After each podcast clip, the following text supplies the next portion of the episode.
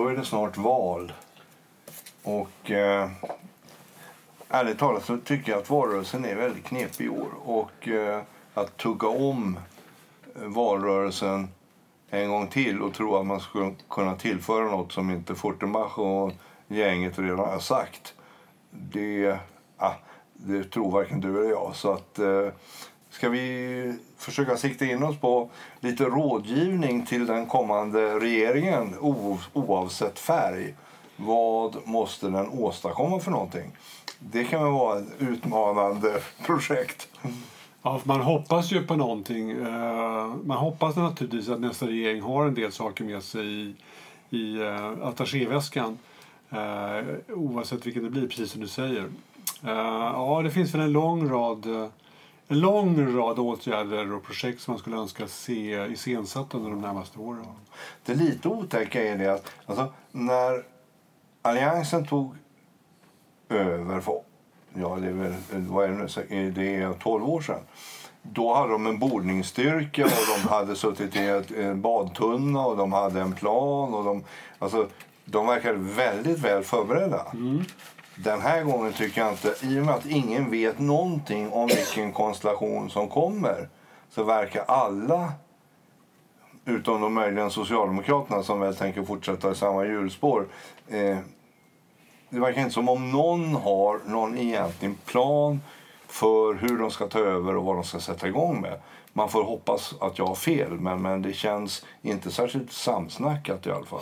Nej, men det är väl därför att, att, att Sverigedemokraterna har rubbat bilden så mycket så ja. att det, det, går inte, man kan inte driva blockpolitik längre. Alliansen äh, är inte nästan, nästan lika stark som de andra och de andra är definitivt inte lika starka som någon annan heller.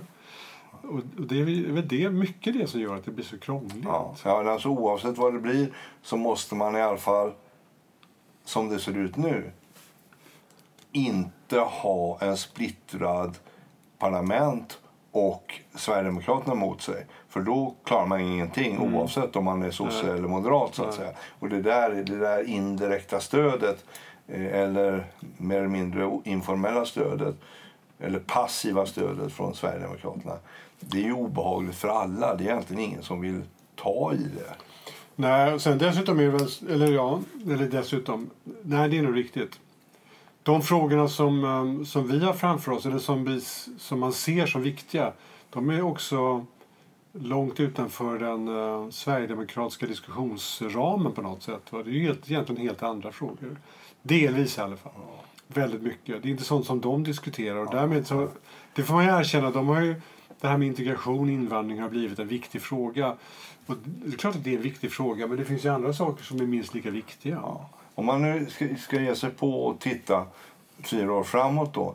då det första som en ny regering, oavsett färg då, eh, måste vara inställd på är att någon gång under de fyra åren så kommer med relativt stor sannolikhet en mindre eller större lågkonjunktur. Mm. Alltså, och det, det är väl liksom en av anledningarna till att, att man samlat så mycket i ladorna under den senaste mandatperioden.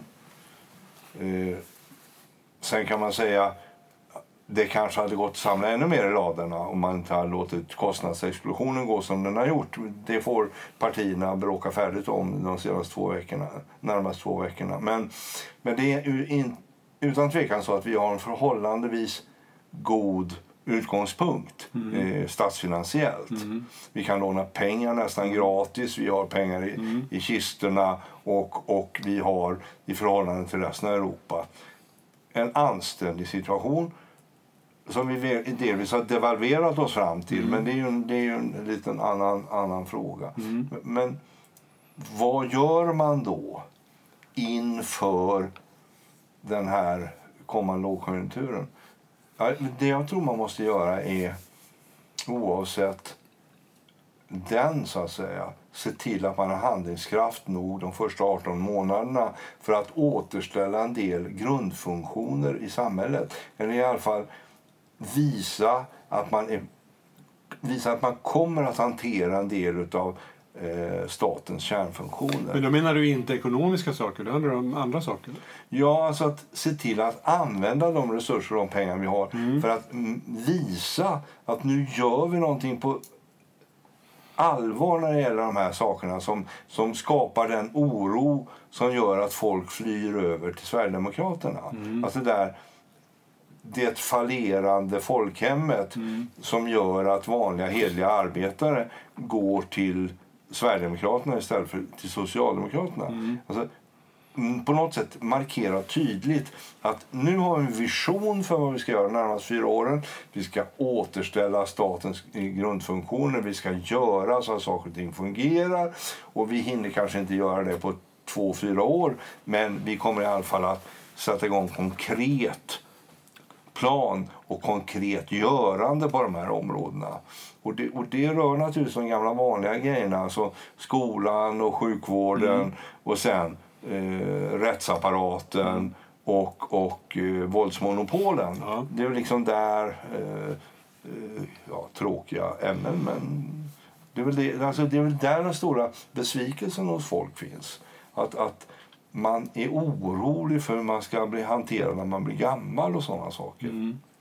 Det är knepigt tycker jag därför att mm, det, det, med viss rätta så säger ju regeringen förr eller senare säger de alltid så här det är ju inte vi som sätter lönerna för sjuksköterskan som gör att sjuksköterskorna inte finns utan man måste stänga vårdavdelningar. Det är ju riktigt.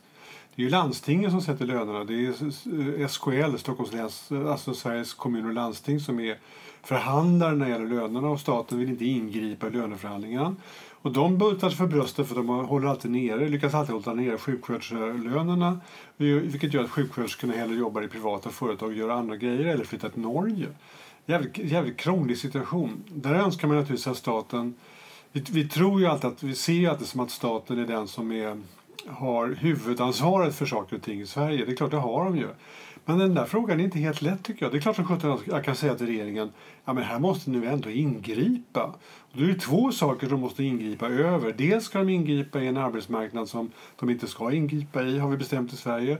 Dels måste de sätta sig över de kommunala vetona också, som vi också har sagt att de är viktiga och ska behållas.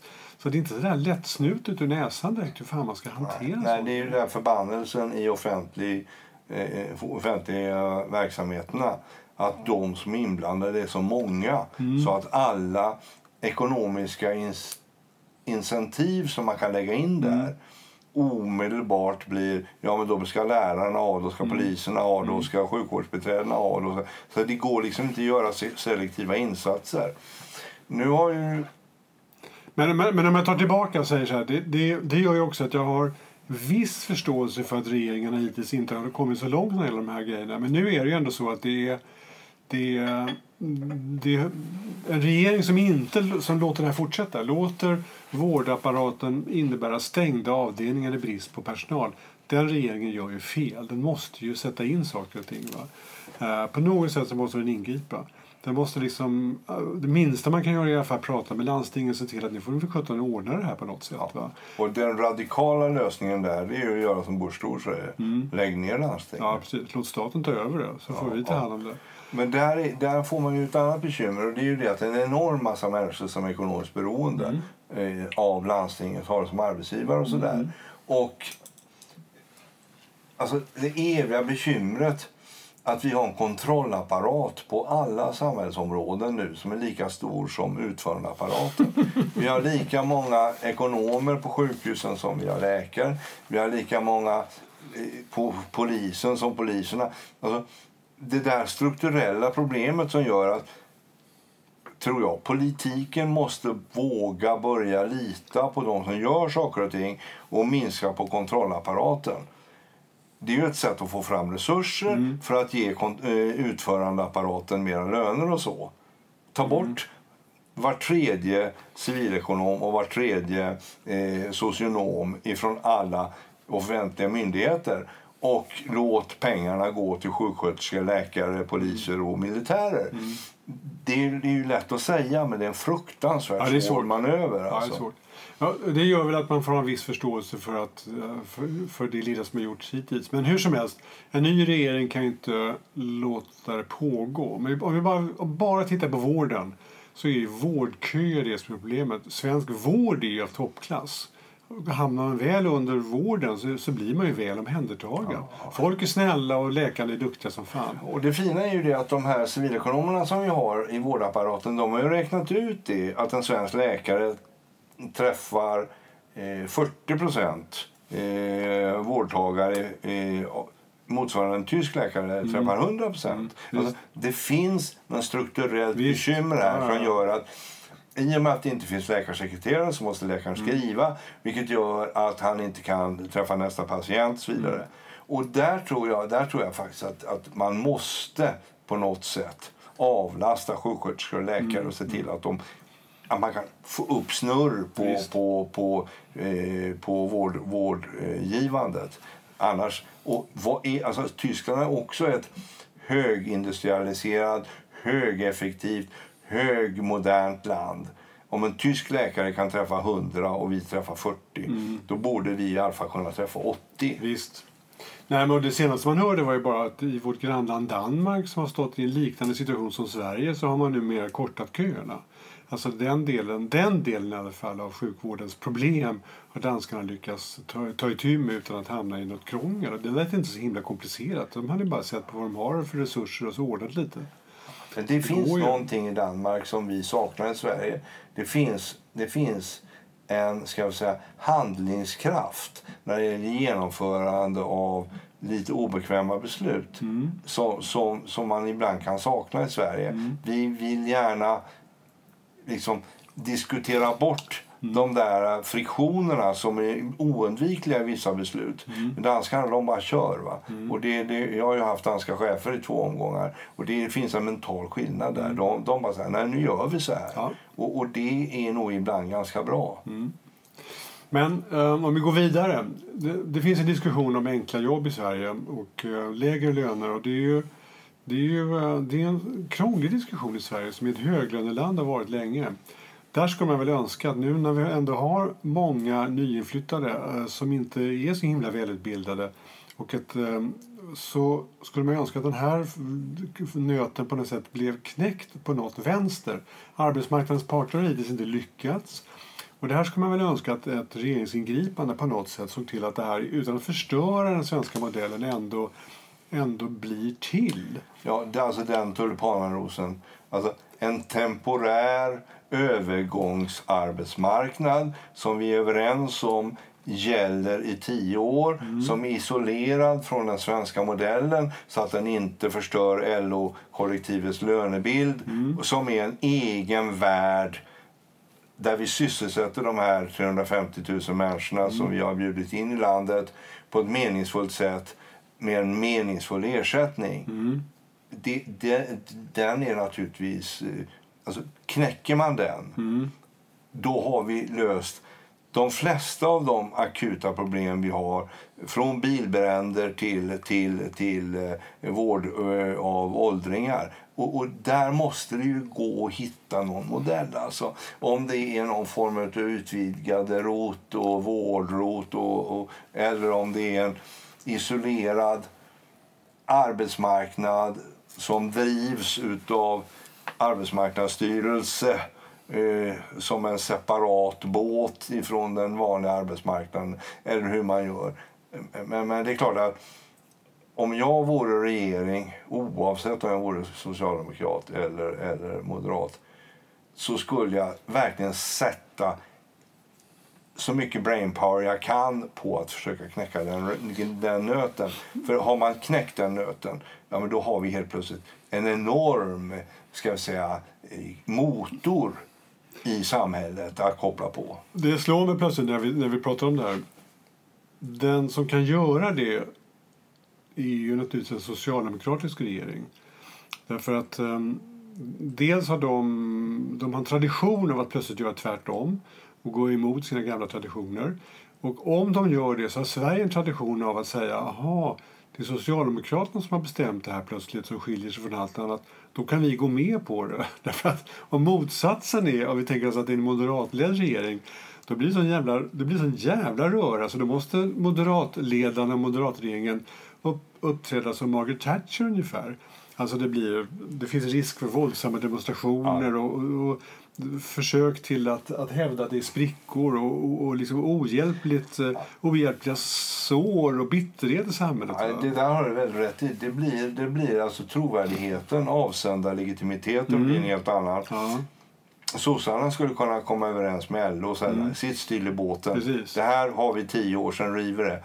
Eh, jag menar, och det skulle LO tro på. Hade Moderaterna sagt det så hade de bara, nej, de bara luras, de bara luras när vi drar ner våra löner. Mm. Precis. Och det, Och så skulle de få medhåll då av oppositionen då, i form av socialdemokratin. Mm. Alltså. Ja, rätt bökigt. Så att i den, just den frågan hoppas man ju att Socialdemokraterna fortsätter på något sätt att hålla en sorts regeringsmakt och driver vidare. men i så fall måste de skaffa bättre kvalitet på sin ministär. Mm. För man blir ju lite sorgsen när man jämför det här med vad vi hade på Erlander och Palmes tid. Mm. Ja, visst. Det, det, det, alltså, jag vill inte påstå att jag själv är så smart men jag, jag tycker att, att en del av det man hör från regeringen är, lämnar övrigt att önska.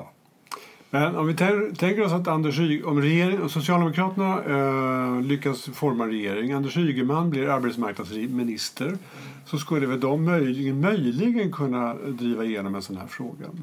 Ja, om den är väl strukturerad Mm. och väl förankrad hos LO. Mm. Eh, Den har varit hos LO flera varv innan man ens pratar om det Ja. offentligt.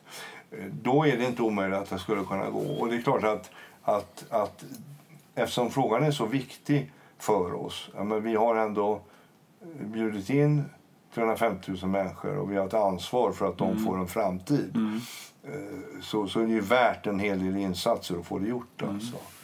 Det är lite tråkigt att vår demokrati är strukturerad på så sätt att misstron är så total mellan de två blocken när det gäller alltså eh, Alternativet är ju en stor koalition som, som i Tyskland, alltså Moderaterna och sossarna tillsammans gör en sån här grej. Då skulle man också kunna få legitimitet för det. Men att Moderaterna själva skulle göra det med stöd av SD under, to- under bordet, det skulle bli revolution nästan. Ja, det skulle bli... Det är klart att om någon är beredd att, att, ta en, en, en Thatcher-position på något sätt och ha de, de mandatperioder som man kan då ha i England som är mycket längre, då skulle det kanske fungera. Sen, har- sen finns det ju i, i England finns det ju en högervulgär press Mm. Som skulle stödja en sån sak. Mm. De skulle vi- vifta med brittiska flaggan och, och liksom säga att det är nödvändigt. Sådär. Den pressen finns inte i Sverige. Alltså, det, du, alltså, du, kan ju, du får ju leka med sy, alltså, det är väl Hakelius då. Ja, ja. Han är ganska ensam. Nej, det där, är ett, det där blir en stötesten alltså. Men det är i alla fall bra. Vi har identifierat en stor reform. Eh, den är en lång boll, men, men om man knäcker den så har man nog knäckt de flesta av våra utmaningar när det gäller boende, bilbränder, integration och sådana saker. Mm. Ja, men vi har ju någon bild av att om, om, om de enkla jobben och de enkla, lite lägre lönerna införs så kommer, Eh, så kommer praktiskt taget alla nyinflyttade eh, kunna jobba. Eller vi ska kunna avkräva dem att de ska jobba i alla fall. Och så gör vi det. Så det blir ett fåtal som inte gör det. Och de kan vi liksom stoppa i fängelse eller utvisa och sånt där. Jo, men alltså, det är väl också så att vi utför ju idag en massa jobb. Mm. Alltså hundratusentals, eller i alla fall tiotusentals människor kommer från Vitryssland, Ukraina, Ja, ja. Thailand, Kenya. ja, De planterar, Ja, ja. de plockar, de fixar och de donar i de gröna näringarna inte minst. Oh, ja. Och det är klart att, att den arbetskraftsinvandringen skulle behöva upphöra. Ja, det är riktigt. Eh, Och det är klart att man hoppas ju att alla jobben skulle bli gjorda med lock. Mm. Men, men gör de inte det, då blir det lite pock också. Mm. Så att säga. Det, det, det, Nej, men riktigt. För det är ändå så att om det finns en, om det finns en arbetsmarknad, en äkta arbetsmarknad i form av jobb, då blir ju hela situationen annorlunda. För det, det, det normala a-kassesystemet är väl ändå att om du inte söker de här jobben så utbär du inte längre någon social ersättning. nej, men då istället för att få, social, eh, få pengar från arbetslöshetskassan så får du det helt plötsligt utav kommunens eh, eh, det här, eh, Trädgårdsförvaltningen och sånt där. Nej, men du, du, får ju, du får ju ersättning eh, från kommunen eh, enligt försörjningsstöd. Aha, du menar socialbidrag? Ja, ja, Ja, alltså du, så du, du, du blir aldrig utan. va? Ja.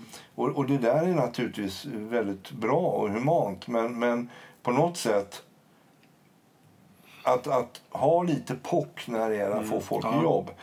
Sen ska ju de här jobben naturligtvis vara instegsjobb som det heter. Man ska komma vidare i karriären, man ska gå över den normala arbetsmarknaden och alltihop det här. Blir det inte så så blir det ju en, då blir det en Ebberöds bank långsiktigt. Eller kanske i alla fall eh, någonting som på sikt kan hota den vanliga arbetsmarknaden. Så det måste ju struktureras på ett sätt som gör att, att det fungerar som insteg. Men det ska ju inte vara så att vi gör en plan som ska ta hand om 30 000 människor och så är det nio som går in i planen. Som, som en del av de här initiativen vi har haft de senaste åren.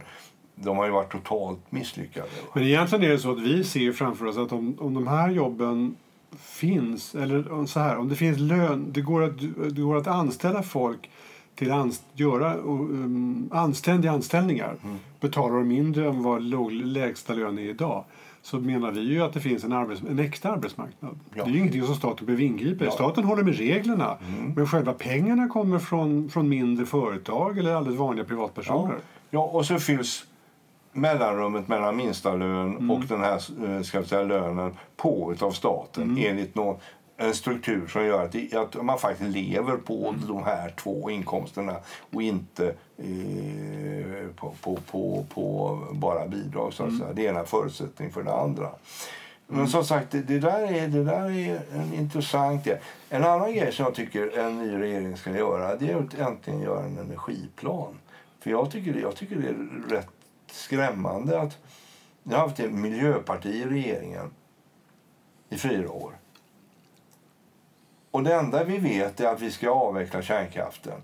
Men hur vi ska få 50 terawattimmar plus plus som ersätter det finns ingen som har pratat om. Ja, det ska vara förnybart. Men vad förnybart? Vi har inte byggt några raffinaderier för tallolja. Vi har inte, alltså det enda vi säger nej, plan B det är tysk brunkol. Och det tycker jag är oanständigt. Så där tycker jag Busch Thor faktiskt gjorde en insats som förde upp den här elefanten på bordet igen. För att vi har faktiskt ett ansvar både för oss själva och för våra, ba- våra barn att vi har ett uthålligt energisystem. Mm. Och med uthålligt menar ju vi numera ett som också är fossilfritt. Absolut. Fossilfritt, eh, eh, hållbart och, ja, ja. och, och miljövänligt och alltihop det här. Och jag inbillar mig att det går att göra, bara man bestämmer sig. Kanske går det att göra, men det kommer att ta tid om man då plötsligt ska avveckla kärnkraften. Eller, eller alternativet är ju att vi går med på att betala mycket mer för vår el. Därför att om vi, om vi i Sverige är beredda att betala tre, två eller tre gånger så mycket för vår elström då skulle ju investeringar i solceller och vindkraft och sånt här ta fart. Då skulle man ju kanske kunna beklä land och landets kuster och allas tak med solceller så att man liksom börjar täcka upp för bristen på kärnkraft. Men, men med de elpriser vi har idag, alltså de normala elpriserna, så blir det ju rätt svårt. Det är inte så jävla lätt att investera i de här grejerna i Sverige och fortfarande hålla de låga elpriser vi helst ser. Nej, alltså, hade, hade, hade politiska situation varit lite annorlunda då hade man ju sagt så här, nej men vi får ta fram de där gamla reaktorritningarna från Asea-Atom. Pius 3, 4 Ja, visst. och slutna system och självsläckande och hypersäkra och flyttbara och allt mm. Och så får vi göra några små reaktorer då under mellantiden. Och så får vi investera lite i Oskarshamn och i Forsmark så att de håller tio år till. Men förutsättningarna som de ser ut idag är ju att det finns ju inte en vettig människa att sätta en krona i Forsmark. Därför att vi vet att den ska läggas ner. Och sen förstår jag inte varför har vi inte gjort biodieselraffinaderi i Skellefteå? Varför har vi inte gjort, eh, varför gör vi inte de här grejerna? Obegripligt. Och det är snarare så att vi lägger krokben. Det läggs ju ner eller st- stoppas i malpåse etanolfabrikssatsningar och såna här saker. Det, det hela är väldigt egendomligt. Mycket, Varför mycket konstigt. fram till... Ja, ja, ja. Ja, men då är det CO2, då är det NH3 och då är det... Alltså, någonstans måste politikerna bestämma sig. Mm. För att i juli så var 58 procent av vår el el, eh, kärnkraft. 34 procent var vattenkraft därför att det är tomt i magasinen. 1,2 procent var sol och vind. det är väldigt långt steg från 1,2 procent till 35 procent. Ja, Och det kommer att ta tid och det kommer resurser. Men jag inbillar mig att det går. Och i värsta fall då så får vi väl äta det sura pillret och, och förlänga livet på våra kärnkraftverk i 10-15 år. Jag tror Men då måste är- ägarna veta. Ja, ja. Ja, jag tror tyvärr att det är enda chansen. Den enda, enda vettiga och rimliga chansen tror jag att det är precis just Men det. varför har vi inte pratat om det? Vi har haft en hel valrörelse där det här dök upp som gubben i lådan i förrgår när Busch Thor Mm. pratade i radion. Men är det inte så att en- energifrågan, framförallt kärnkraftsfrågan, fortfarande efter 30 eller snart 40 år är så jädrans känslig? Det går inte. Och är man en regering med Miljöpartiet så går det liksom inte alls. De kan Nej, inte ta men, i men det. då ligger det ju på en och säga ja, det, går, det, det går inte att lösa detta annat än med kärnkraft från Finland, kärnkraft från Litauen, brunkol från Tyskland och vattenkraft från Norge. Mm. Ja, då får man ju vara ärlig och säga det då. Nej, Men vi kan ju inte släcka ner Sverige. Nej, nej, jag håller verkligen med dig. Kort sagt, regeringen måste ta tag i det. Ehm, och om inte jag minns helt fel så är det så att Ringhals är bara några år kvar innan nedtrappningen ska börja. Ja. Så att liksom, det är inte så att det är... Det är när du säger 50 terawattimmar som försvinner så är det... En, det handlar om decennier. Men, men, det, men starten på den här börjar ju ganska snart. Ja, de första tio ryker väl om tre år? Eller jag menar det, år. det är under mandatperioden. Mm. Så att liksom, dilemmat står ju där inför dörren. Ja, ja. Och som sagt, det är så känsligt så att ingen vill prata om det. Och när Busch pratar om det nu, då mer eller mindre har hon ju idiotförklarats på sociala medier. Alltså hur kan man prata om kärnkraft? Det är ju moderna människor, citat så att säga. Ja, ja. Men då har vi två grejer. Dels har vi löst hur man sysselsätter eh, alla som är undersysselsatta och så har vi löst energifrågan.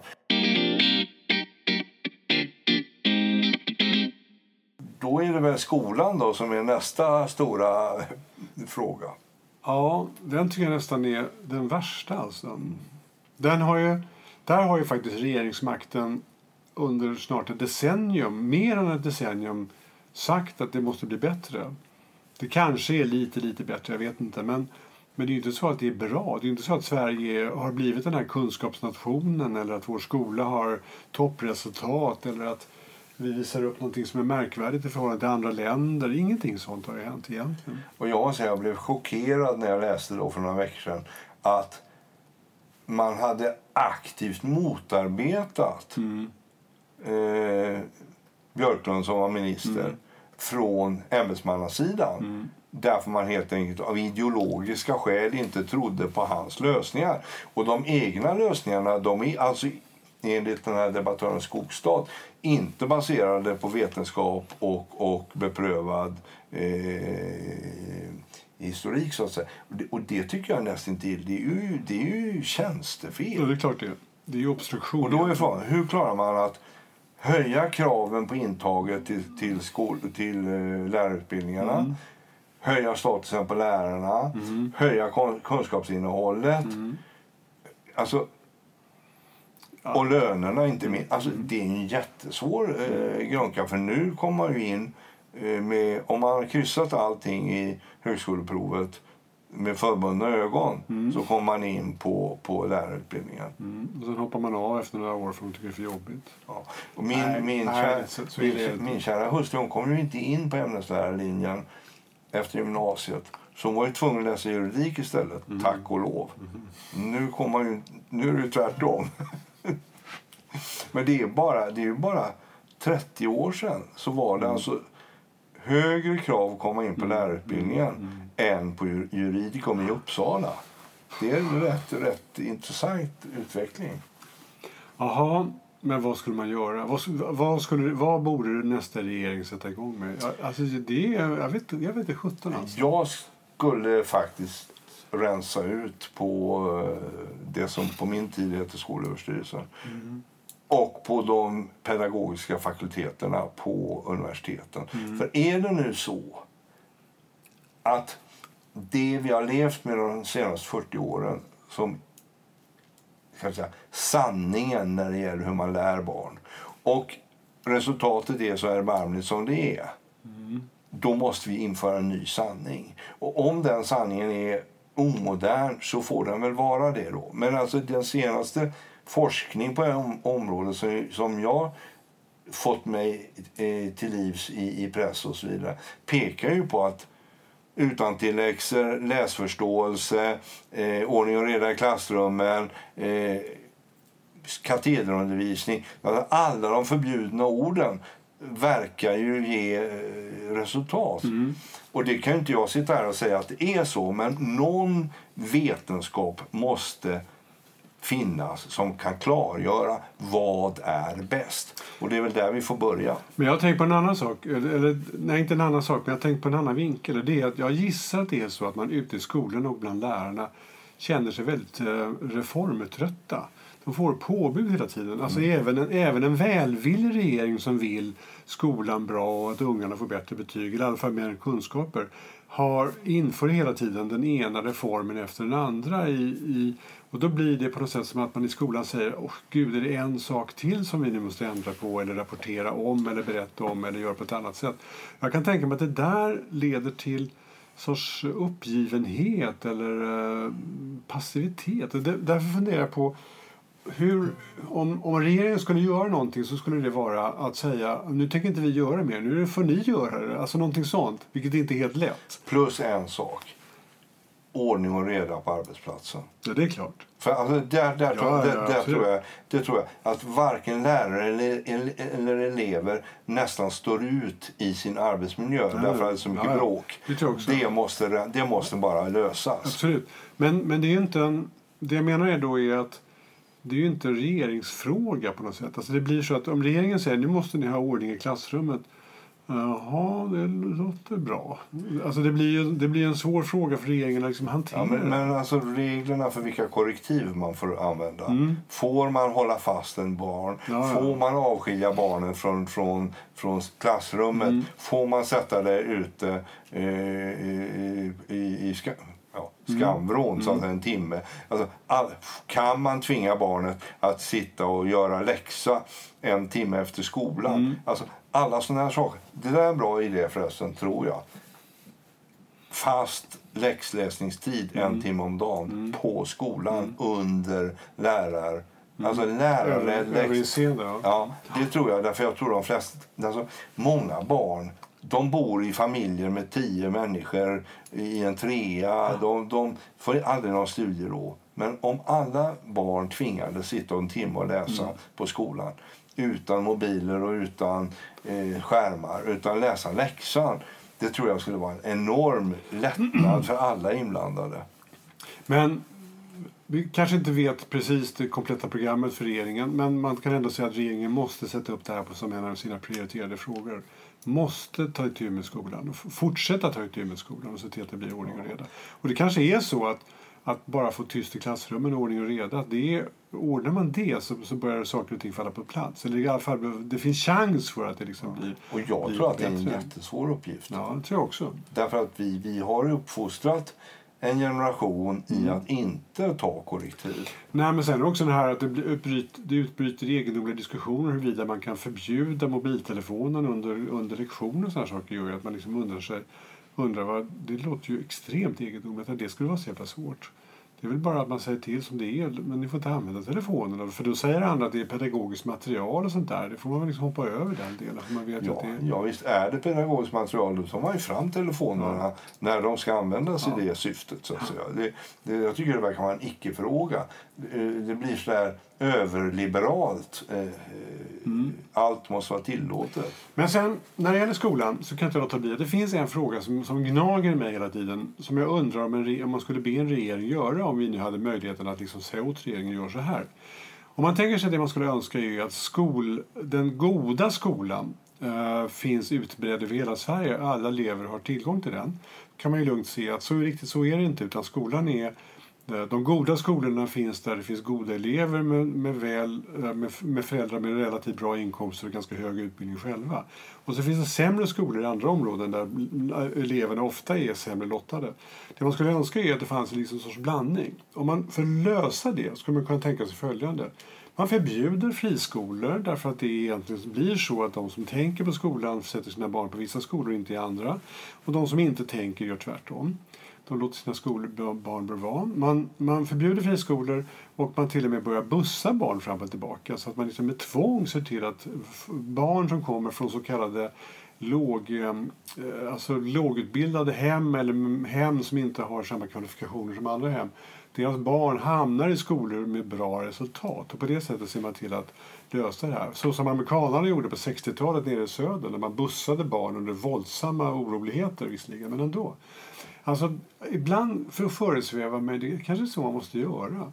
Jag är inte säker på att det, skol, det fria skolvalet har lett till bättre skolresultat. Jag, finns, jag tycker att jag är rädd för att det kanske har lett till motsatsen. Ja, det där är en jättesvår fråga. Därför att mot det så finns ju de som säger att det fria skolvalet har gjort att det finns en massa ungar ja. ifrån icke-privilegierade områden men med ambitiösa föräldrar mm. som har satt sina barn i mm. franska skolan och, och, och, och, så vidare. Och, alltså, ja, det är sant verkligen. Och, alltså för det som jag bekymmer, det som bekymrar mig är det att ska du börja kunna bussa barn till mm. exempel så måste du kunna garantera att du total säkerhet både mentalt och, och fysiskt ja. i de skolor dit du bussar dem. Absolut.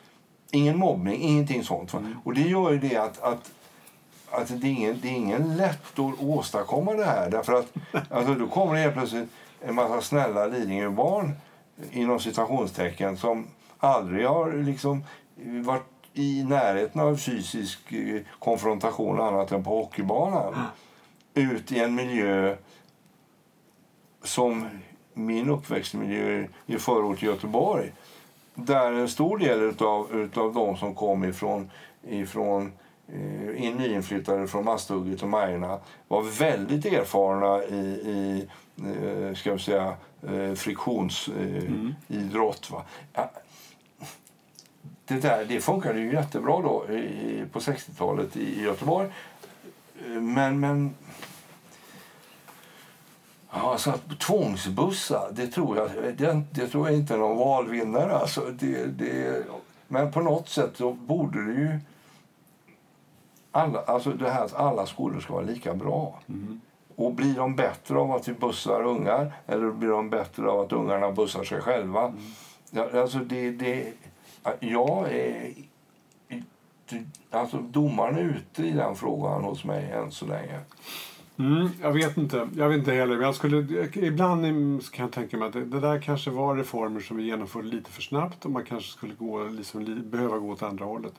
Jag, verkar, jag är ju läxhjälpare i Rinkeby på onsdagarna och då upptäcker jag att de mest ambitiösa eleverna i, på gymnasiet som jag träffar på där de kommer inte alls från skolor i Rinkeby eller Hjulsta eller något sådär, utan de går ju på Östra Real inne i stan och liknande. Ja. De, har, de har insett det här och, och, tar, och använder sig av det fria skolåret för att liksom flytta. Ja, det är ju det. det, är ju det. Alltså, för det, det är ju samma på Franska skolan där, där mina ungar har gått. Mm. Att, att det, de har elever som kommer ifrån... Nu råkar många av dem ha någon form av fransk anknytning. Mm. De kommer från Västafrika och sådär. Men, men de, de har sökt sig mm. aktivt in till en bra, inom citationstecken, eh, skola i centrum. Mm. Ja, nej, alltså jag,